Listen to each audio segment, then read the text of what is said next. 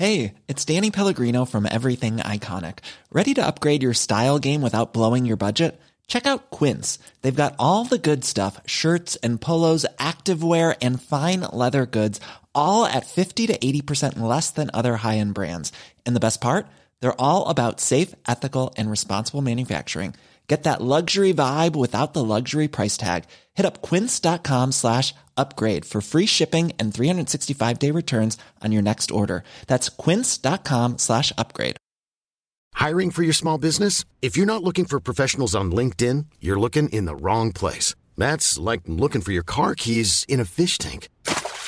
LinkedIn helps you hire professionals you can't find anywhere else, even those who aren't actively searching for a new job but might be open to the perfect role. In a given month, over 70% of LinkedIn users don't even visit other leading job sites. So start looking in the right place. With LinkedIn, you can hire professionals like a professional. Post your free job on linkedin.com slash people today. Many of us have those stubborn pounds that seem impossible to lose, no matter how good we eat or how hard we work out. My solution is PlushCare. PlushCare is a leading telehealth provider with doctors who are there for you day and night to partner with you in your weight loss journey. They can prescribe FDA-approved weight loss medications like Wagovi and Zepbound for those who qualify. Plus, they accept most insurance plans. To get started, visit plushcare.com slash weight loss. That's plushcare.com slash weight loss.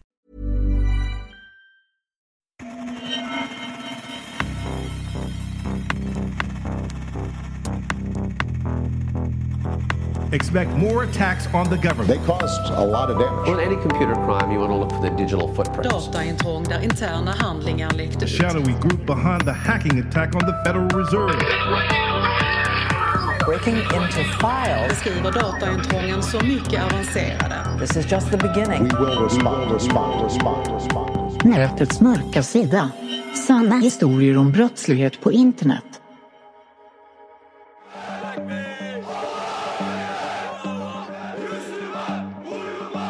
Sverige har blivit utsatta för nya hackerattacker. Flera webbplatser och tjänster ligger nere eller har problem. Ja, det här är ju den mest omfattande överbelastningsattacken vi har sett hittills. There's outrage in Ankara and across Turkey for the second day in a row.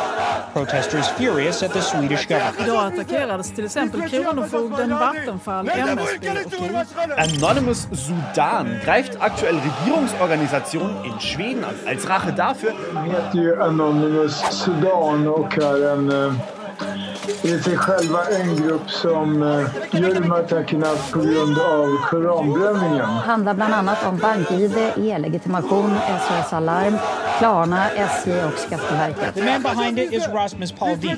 Hackergruppen Anonymous Sudan har en egen telegramkanal där de pekar ut vad som ska attackeras härnäst.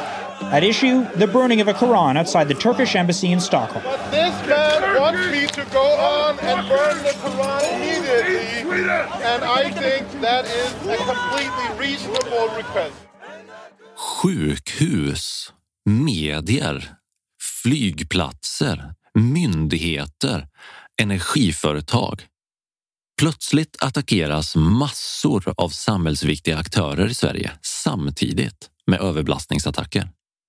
Först av turkiska hackers i liten skala och sen av den mystiska nystartade hackergruppen Anonymous Sudan i stor skala. Men vad var det egentligen som hände när allt från Karolinska till SAS, Vattenfall och Myndigheten för samhällsskydd och beredskap blev attackerade i början av 2023? Vi börjar med en frusen dansk högerextremist utanför Turkiets ambassad i Stockholm.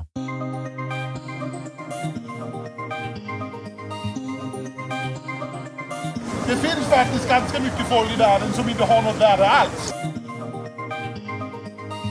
En som inte hade särskilt mycket värde, det var mannen med en mycket liten penis, eh, Mohammed. Han var mycket elak och dum. Jag vill berätta för er varför han fick så mycket makt. Han var bra på att mörda folk och göra våld.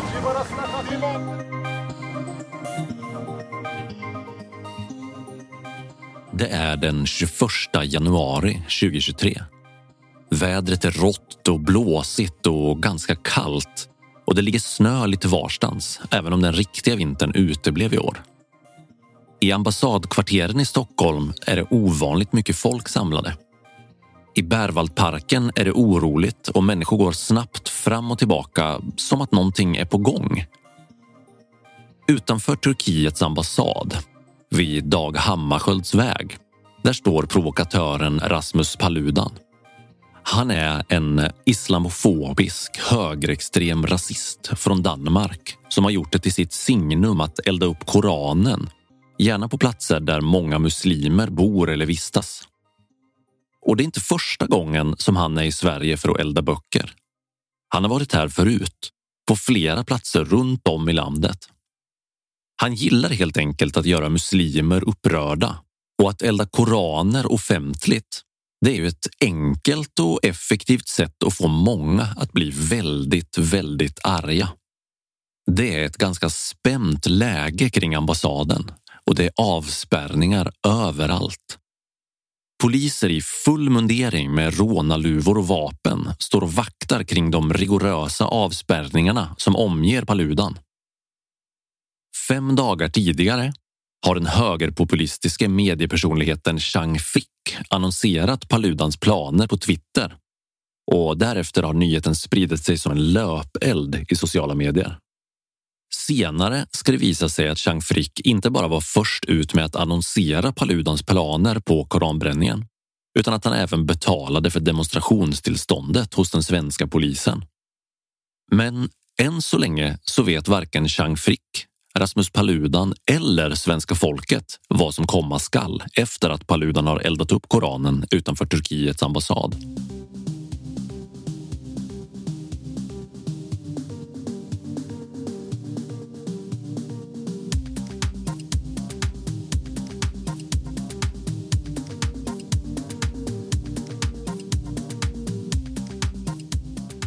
Ironiskt nog så förlöpte själva koranbränningen ganska lugnt. Men reaktionerna som kom efteråt blev istället något i hästväg, för att uttrycka det milt.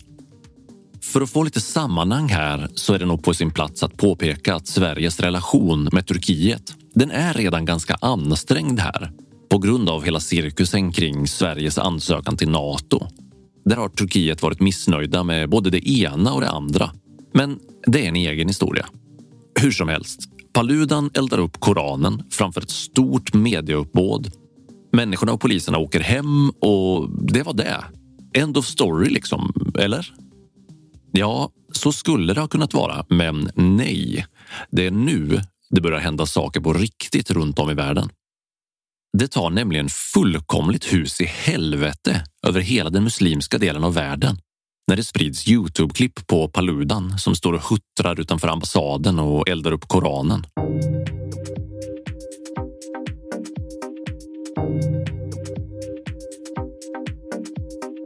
Och det börjar kanske inte helt otippat i Turkiet.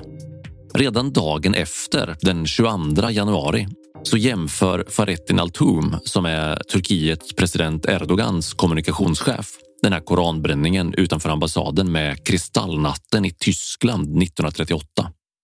Två dagar senare, den 23 januari, så säger Turkiets president Erdogan att Sverige inte kan räkna med något NATO-medlemskap och han hävdar att koranbränningen är ett hatbrott som inte borde skyddas av den svenska yttrandefriheten. Mindre än en vecka efter att Paludan tänder eld på Koranen utanför ambassaden så uppmanar Al-Azhar-universitetet i Kairo, som är världens viktigaste sunnimuslimska lärosäte, till en global bojkott mot Sverige på grund av Paludans koranbränningar. Och sen går det fort. Flera ledare runt om i arabvärlden fördömer både koranbränningen och Sveriges yttrandefrihet som de absolut inte tycker borde innefatta att eh, elda upp Koranen. EU-kommissionen är kritisk och säger att hat mot religioner strider mot EUs grundvärderingar. Och sen kommer demonstrationerna mot Sverige och de är många. I Turkiet, Irak, Jordanien, Jemen, Afghanistan och Pakistan så hålls många och stora demonstrationer där människor är otroligt upprörda på Paludan och Sverige som tillät honom att bränna deras heliga skrift. Det blir våldsamma upplopp på flera platser och många svenska flaggor bränns. Flera dödshot riktas mot Rasmus Paludan och det utfästs belöningar för den som lyckas döda honom. Det hela påminner faktiskt ganska mycket om det som hände när konstnären Lars Vilks berömda karikatyrbild av profeten Muhammed som rondellhund spreds för många år sedan. Och han fick ju som bekant tillbringa resten av sitt liv med konstant polisbeskydd efter flera terrordåd, mordhot och våldsamma demonstrationer.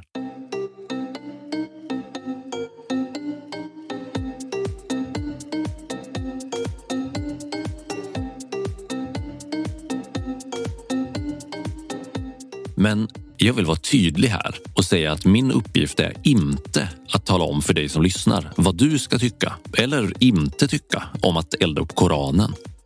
Jag vill bara informera och förmedla vad som har hänt oavsett om du tycker att det här handlar om yttrandefrihet eller inte och oavsett om du tycker att bokbål bara är löjligt eller att det är första steget i att gå från att bränna böcker till att bränna människor. Men i kölvattnet av Rasmus Paludans koranbränningar, de våldsamma upploppen och de upprörda ledarna i Turkiet och arabvärlden så vaknar något annat till liv och inser att allt det här som har hänt är en perfekt dimridå för att dra igång något som de har planerat länge. Något som ingen hade förväntat sig. Det är hackergruppen Anonymous Sudan som bestämmer sig för att attackera Sverige. Det här är nätets mörka sida med mig, Marcus Porsklev.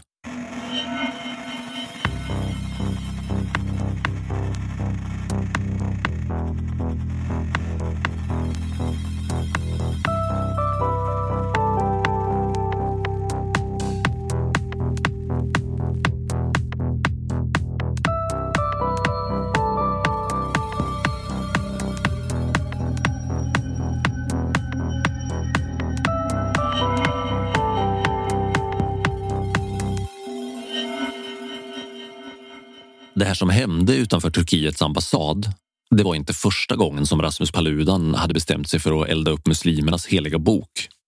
Nej, han har skapat rubriker i både Sverige och Danmark under flera år. Och starten gick nog när han 2017 eldade upp en koran inlindad i bacon i stadsdelen Nörrebro i Köpenhamn. Det blev kravaller och Paludan fick stor medial uppmärksamhet. Han startade partiet Stram kurs under parollen vi ska göra Danmark fritt från muslimer. Och planen var att få komma in i det danska folketinget. Men när det väl blev val så fick de bara 1,79 procent av rösterna. Så de kom inte in eftersom det krävs minst 2 procent. Och efter det så var det som att luften gick ur stram kurs. Partiet tappade medlem efter medlem samtidigt som Paludan började pyssla med mer och mer konstiga och provocerande saker att han blev dömd till fängelse för hets mot folkgrupp 2019 och senare för hot mot en polisaspirant. Det gjorde inte heller att folk lockades till stram kurs direkt. Och när tidningen Extrabladet sen i en granskning pekar ut Paludan och hävdar att han har sexchattat med barn på nätet, ja, då faller korthuset ihop och kvar i stram kurs är nästan bara Rasmus Paludan och hans närmaste polare. Men då får Paludan en idé. Jag drar till Sverige, tänker han och vips så är den här karusellen igång. Paludans första försök att elda heliga böcker i Sverige det var på pappret en riktig provokationsbomb. Planen var så här. Han skulle åka till Malmö på sommaren 2020, leta upp ett bostadsområde där det bor många muslimer och så elda en koran och lite bacon under stort ståhej. Men den här planen sätts ur spel när Paludan stoppas av polisen redan när han försöker ta sig över Öresundsbron. Och då får han två års inreseförbud. Istället så manifesterar hans polare lite lojt i Malmö och även om det faktiskt blev lite uppståndelse så uteblev det här stora mediespektaklet som Paludan hade hoppats på. Och här hade kanske historien om koranbrännaren från Danmark kunnat sluta med en medienärvaro som tynade bort och en minskande skara anhängare till ett högerextremt och islamofobiskt parti i Danmark. Men Paludan, han har inte slut på idéer. Plötsligt hävdar han att han ska ha svenskt medborgarskap eftersom hans pappa är svensk och bor i södra Sverige. Och simsalabim så får han åka över Öresundsbron och det är fritt fram att elda både bacon och koraner Så sagt och gjort. Paludan åker i skytteltrafik över sundet och anordnar islamkritiska manifestationer lite varstans i Sverige. Men det händer inte så mycket. Det är helt enkelt inte så många som bryr sig. Men sen kom påsken 2022 och då förändrades allt.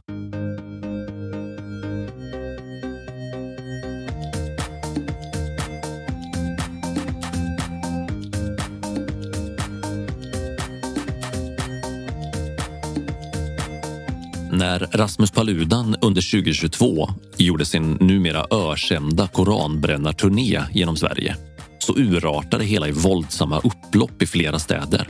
Motdemonstrationerna blev så pass våldsamma att ungefär 50 personer frihetsberövades för kravallerna. Flera personer fick mångåriga fängelsestraff och polisen utreder fortfarande flera av händelserna. Och Paludan då? Ja, han stannade inte vid att ordna bokbål i svenska städer. Strax efter sin påskturné så annonserade han att han kandiderade till det svenska riksdagsvalet. Men eh, precis som i Danmark så var intresset svalt för att få in Paludan i den svenska riksdagen. Och efter valet så hade han och hans parti Stram kurs bara fått 156 röster. Så nu är Rasmus Paludan bara en halvt bortglömd islamofob, en rasistisk högerextremist som står och gapar om sånt som nästan ingen bryr sig om längre, eller? Ja, kanske är det inte riktigt så enkelt, men det som händer efter att alla kravaller och protester börjar lugna ner sig, det är nästan ännu mer intressant än själva koranbränningarna i sig. Och på ett plan kanske ännu läskigare. Det är nu som Anonymous Sudan föds på nytt. Och det är en hackergrupp med ett tydligt mål, att attackera Sverige. V vänta nu, vad då föds på nytt, tänker du kanske nu? Vad menar han? Lugn, jag kommer till dig om en stund. Så svenska företag och svenska myndigheter hamnar mitt i skottgluggen när den nystartade hackergruppen börjar mobilisera mot Sverige i början av 2023.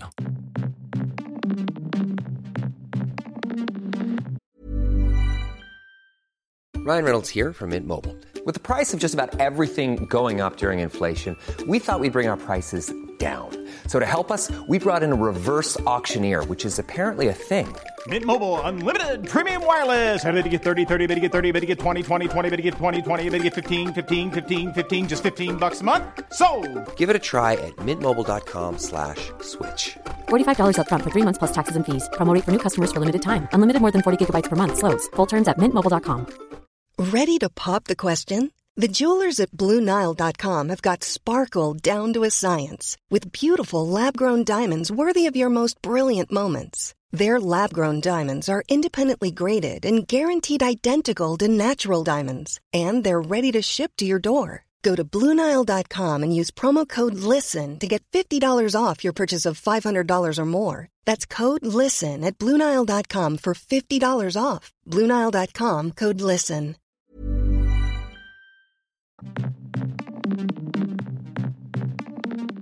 Fredagen den 10 februari började. Plötsligt så började telefonerna ringa överallt i Västra Götalandsregionen. På sjukhusen, hos 1177, hos supporten för regionens hemsidor. Det var mängder av människor som ringde upp för att fråga vad som hade hänt med alla hemsidor. Varför går det inte att komma in på 1177? Varför kan inte jag komma in på Salgrenska sjukhusets hemsida? Vad är det som har hänt? Det funkar ju inte. På bolaget Inera som ägs av Sveriges kommuner och regioner så var det minst sagt ganska stressigt. Det är nämligen Inera som driver webbsidorna för sjukvårdsupplysningen på 1177 och plötsligt hade allt bara kraschat. Ineras egen hemsida hade också kraschat. Salgrenskas hemsida hade kraschat och spåren ledde till arga turkiska hackers som gick under namnet Turkhack Team. Och de gillade inte att polisen i Sverige tillät Rasmus Paludan att elda upp Koranen. Så vad gjorde teknikerna på Inera då? Ja, de gjorde nog helt rätt egentligen.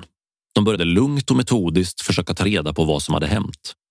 Och det visade sig ganska snabbt att det här handlade om en DDoS-attack, en distributed denial of service-attack där hackare med hjälp av enorma mängder oönskad trafik slog ut funktionaliteten hos internetleverantörens servrar genom att överösa dem med fejkade requests. Med hjälp av till exempel ett botnät, ett stort antal zombiedatorer som från olika platser utnyttjas av hackarna för att skicka massiva mängder trafik, så kan man ganska enkelt överbelasta till exempel en hemsida. Eftersom internettrafiken i en sån här attack ofta genereras av ett nätverk med datorer så kan en enda person ganska enkelt genomföra en DDoS-attack utan särskilt mycket resurser bakom sig. Ja, utöver tillgång till botnätet. Då. Jaha, och vad kan man göra åt det då? Kanske du frågar dig nu. Ja, det Inera gjorde var att först försöka identifiera den skadliga trafiken som riktades mot dem och helt enkelt leda om den bort från Ineras servrar för att deras riktiga kunder skulle kunna komma åt tjänsterna och hemsidorna igen. Det finns flera olika sätt att göra det här på och vi ska inte gå in allt för djupt, men dels så kan man använda olika typer av filter för trafiken och dels så kan man köpa skyddstjänster mot DDoS-attacker av till exempel sin ISP-leverantör. Men, och det här är grejen med överbelastningsattacker. De kan vara väldigt störiga eftersom de med enorma mängder trafik gör att tjänsterna och hemsidorna de attackerar slås ut. Men egentligen så förstör de ingenting av den bakomliggande IT-infrastrukturen.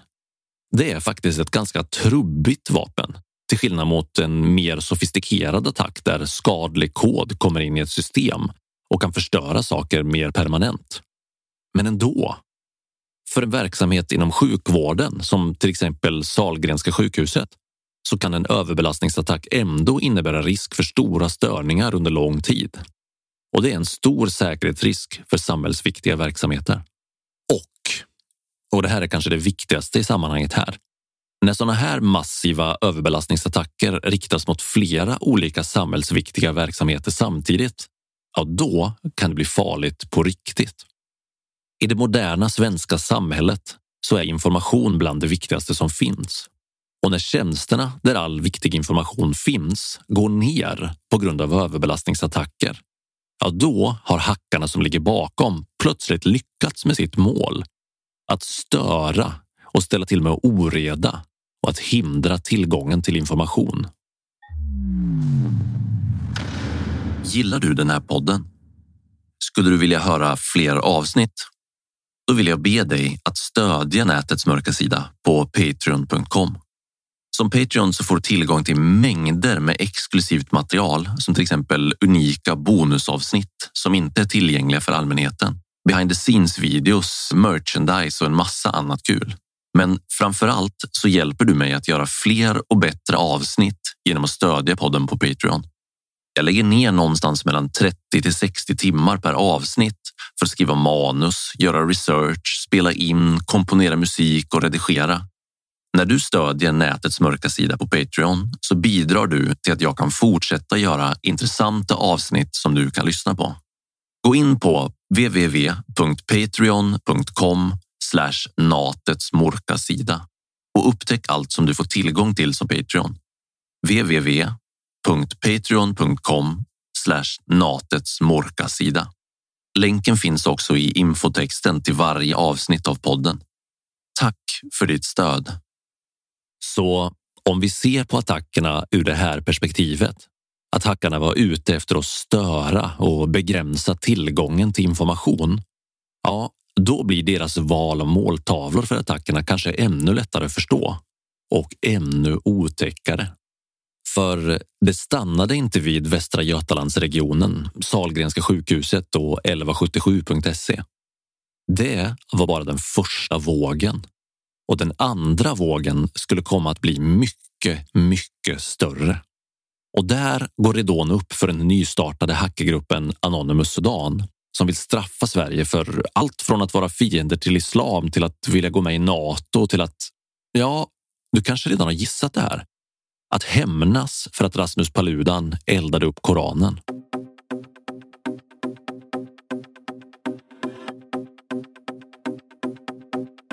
De närmaste dagarna och veckorna efter de första attackerna så fullkomligt regnade in våg efter våg av överbelastningsattacker mot olika hemsidor, tjänster, medier och informationsnav överallt i det svenska samhället från Anonymous Sudan. SOS Alarm slogs ut och deras hemsida slutade fungera. Men telefontjänsten fortsatte tack och lov att fungera. Den digitala myndighetsbrevlådan Kivra gick inte att komma åt. Det brukar vara där som till exempel Försäkringskassan skickar information om sjukpenning och vab. Teleoperatören Tele2s hemsida slogs ut. Det stod bara Bad Gateway när kunderna försökte komma åt tjänsterna hos Tele2. Flygplans och vapentillverkaren Saab fick se sin hemsida bli oåtkomlig. Sveriges domstolars webbplats, domstolar.se, slogs ut. SLs sajt och SLs reseapp slutade fungera. KTH, Kungliga Tekniska Högskolans hemsida, slogs också ut. Gotlands Energis hemsida låg nere. Energimyndighetens hemsida slogs ut. Svenska kraftnäts hemsida attackerades och gick inte att komma in på. Vattenfall.se slutade att fungera. KI, Karolinska institutets hemsida, slogs ut i attackerna. Luleå tekniska universitets hemsida gick inte att komma in på. Flygplansjätten SAS fick se både sin hemsida och sin app slås ut av överbelastningsattacker. Och i kölvattnet av attackerna mot SAS så slogs även flera flygplatsers hemsidor ut över hela Sverige. Till exempel blev Skellefteås flygplats attackerad och fick problem med sin hemsida. Men det kanske mest uppseendeväckande av allt med alla de här attackerna, det var nog ändå att även Myndigheten för samhällsskydd och beredskap, MSB, fick se sina egna sidor attackeras och drabbas av störningar. Och allt det här hände inom loppet av några dagar. Uppemot ett tjugotal olika samhällsaktörer i Sverige attackerades och fick störningar i både appar, hemsidor och tjänster. Men hände det här bara hux flux och dök upp mitt ur tomma intet? Nej, givetvis inte. Vi kan följa en tidslinje som sammanfaller kusligt väl med att Rasmus Paludan eldade upp Koranen utanför Turkiets ambassad. Och allt leder tillbaka till hackergruppen Anonymous Sudan i det första ledet. Men vart leder spåren sen?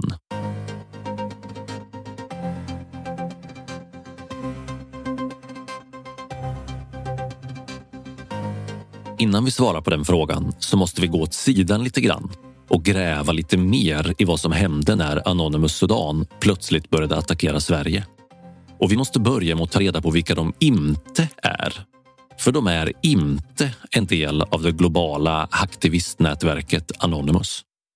En kort disclaimer här bara innan vi fortsätter.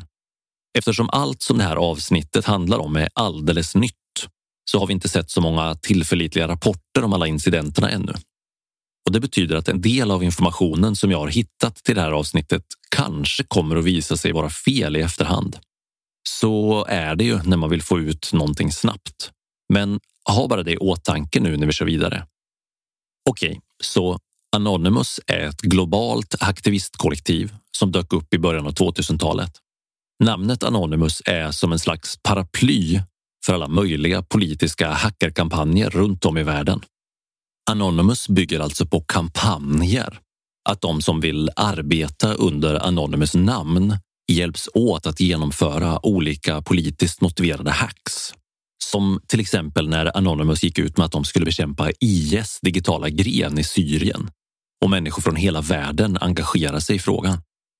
Generellt så har Anonymous attackerat sånt som de flesta människor nog ser som omoraliskt. Som terrorism, polisbrutalitet, odemokratiska regimer, kriminella nätverk och omotiverad statlig övervakning. När Anonymous vill väcka uppmärksamhet för en kampanj mot någonting och få folk att engagera sig i den här kampanjen, då drar de igång cirkusen genom att annonsera en opp med hjälp av en hashtag till exempel hashtag oppkartell som riktar sig mot den mexikanska drogkartellen Zetas eller hashtag oppKKK som riktar sig mot Ku Klux Klan. Och efter att Rasmus Paludan eldade upp den där Koranen utanför Turkiets ambassad så startade några personer som utgav sig för att tillhöra Anonymous-nätverket hashtaggen hashtag #opsweden. De utförde några få överbelastningsattacker som inte fick särskilt stort genomslag, även om de fick en hel del uppmärksamhet på sociala medier av islamistiska konton Och det här, det var gruppen Turkhack Team som låg bakom den första mindre vågen av DDoS-attacker mot mål i Sverige. Men hur var det nu då med Anonymous Sudan?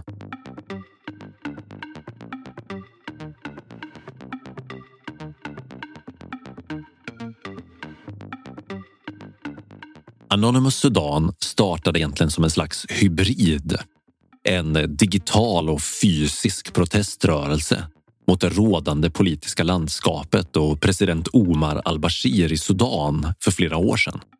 2019 så störtades president al-Bashir och under protesterna så startade Anonymous Sudan hashtaggen hashtag Sudan och började hacka regimens hemsidor i kombination med DDoS-attacker för att dra till sig uppmärksamhet och motverka censur och förtryck. Anonymous Sudan har hela tiden kombinerat sina hackeraktiviteter på internet med fysisk närvaro i olika protester i Sudan. De har jobbat i ett nära samarbete med en annan hackergrupp som går under namnet GhostSec. Och här kommer en nyckel till varför alla de här attackerna som har hänt i Sverige inte alls har någonting att göra med det riktiga Anonymous Sudan. GhostSec och i förlängningen också medlemmarna i Anonymous Sudan har hela tiden, ända sedan starten på kriget i Ukraina, varit inblandade i flera hackerattacker och kampanjer mot Ryssland och för Ukraina. Men den grupp som kallar sig för Anonymous Sudan, som har attackerat Sverige i början av 2023, ja, den beter sig på ett helt annat sätt än originalet just när det gäller Ryssland. Okej, så i Ryssland finns det ett gäng olika hackergrupper som ryms inom namnet Anonymous Russia. Men kruxet här är att de här ryska hackergrupperna har i princip ingenting gemensamt med Anonymous-nätverket i resten av världen. Där typ alla i Anonymous i resten av världen har vänt sig emot Ryssland sedan kriget i Ukraina började, så har Anonymous Russia gjort precis tvärtom och lanserat flera proryska kampanjer. Istället för att promota sina hackerkampanjer på Twitter som resten av världens Anonymous hackers gör så använder de ryska hackergrupperna Telegram istället och propagerar för Rysslands geopolitiska agenda. Och de hackergrupper som utgör den ryska varianten av Anonymous de inkluderar flera ökända grupper som till exempel Killnet, Persson Botnet och Usersec. Alla de här grupperna är löst sammanknutna både med varandra och troligen även med den ryska staten. Och jag ska återkomma till det här med kopplingen till den ryska regimen snart.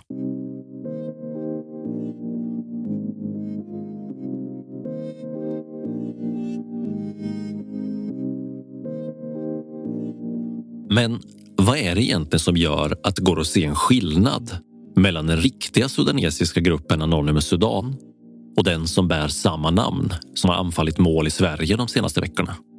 Och var finns kopplingen till Ryssland? Ja, det finns faktiskt flera olika anledningar, ska det visa sig. Gruppen som har attackerat Sverige har hela tiden byggt sin publika närvaro och sina utspel via en kanal på Telegram där de har gjort alla sina uttalanden om attackerna. Och det här telegramkontot det anger Ryssland som sitt hemland.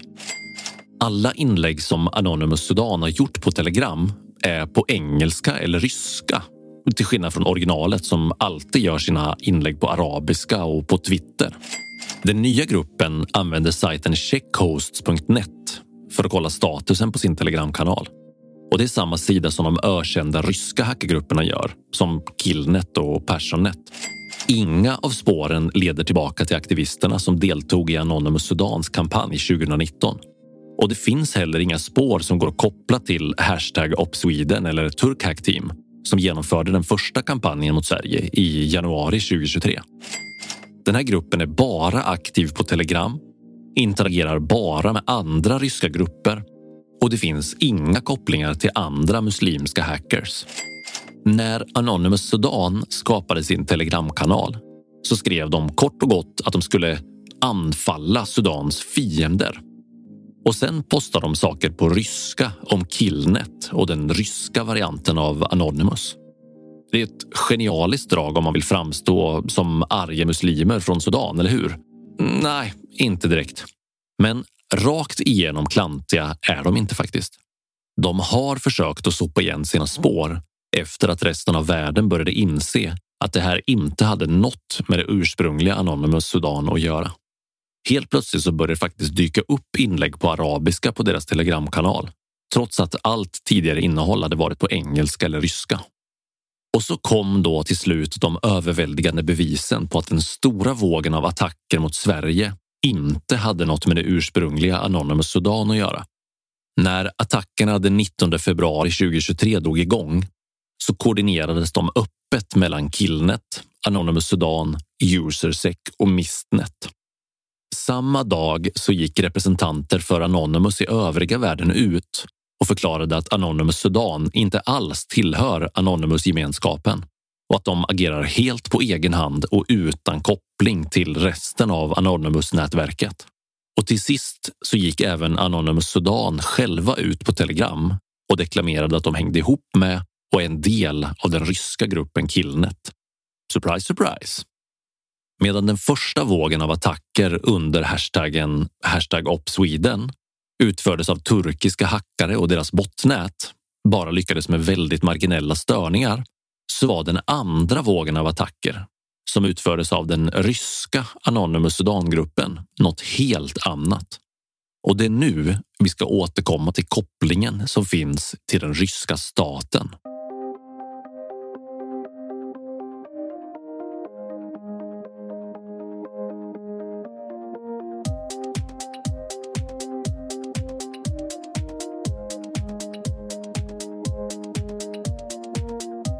Vanligtvis så använder man sig av bottnät vid överbelastningsattacker för att det är billigt, enkelt och ganska så effektivt.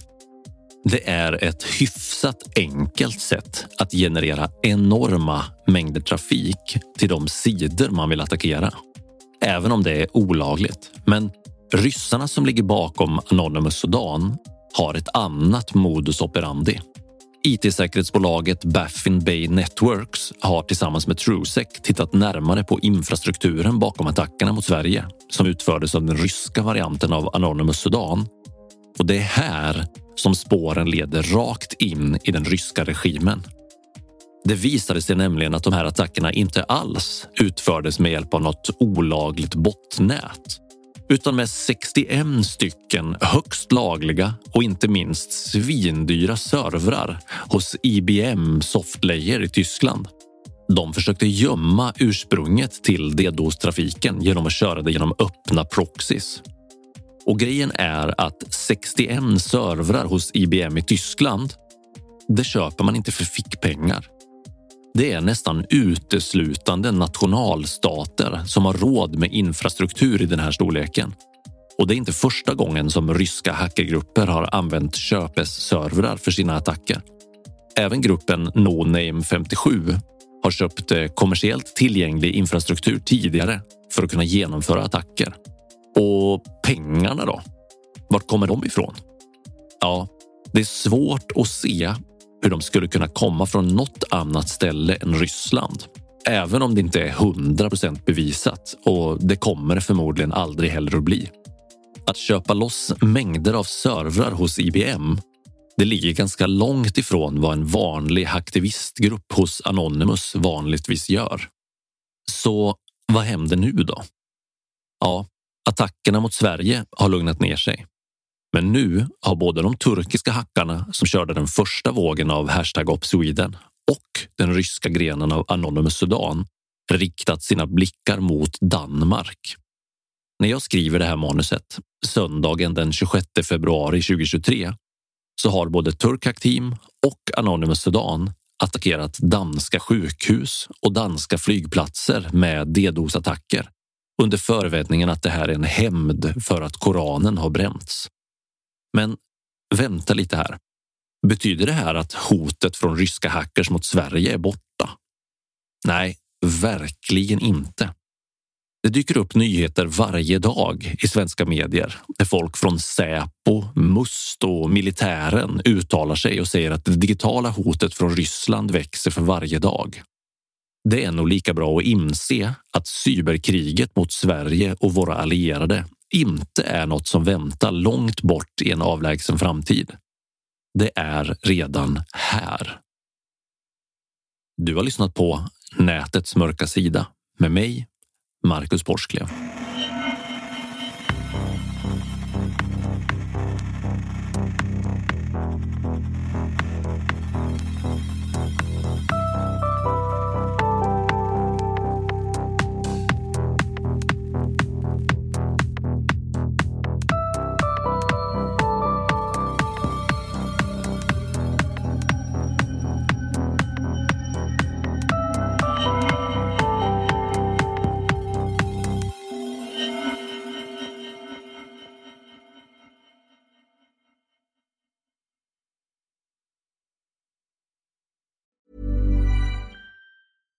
Hi, I'm Daniel, founder of Pretty Litter. Cats and cat owners deserve better than any old fashioned litter. That's why I teamed up with scientists and veterinarians to create Pretty Litter.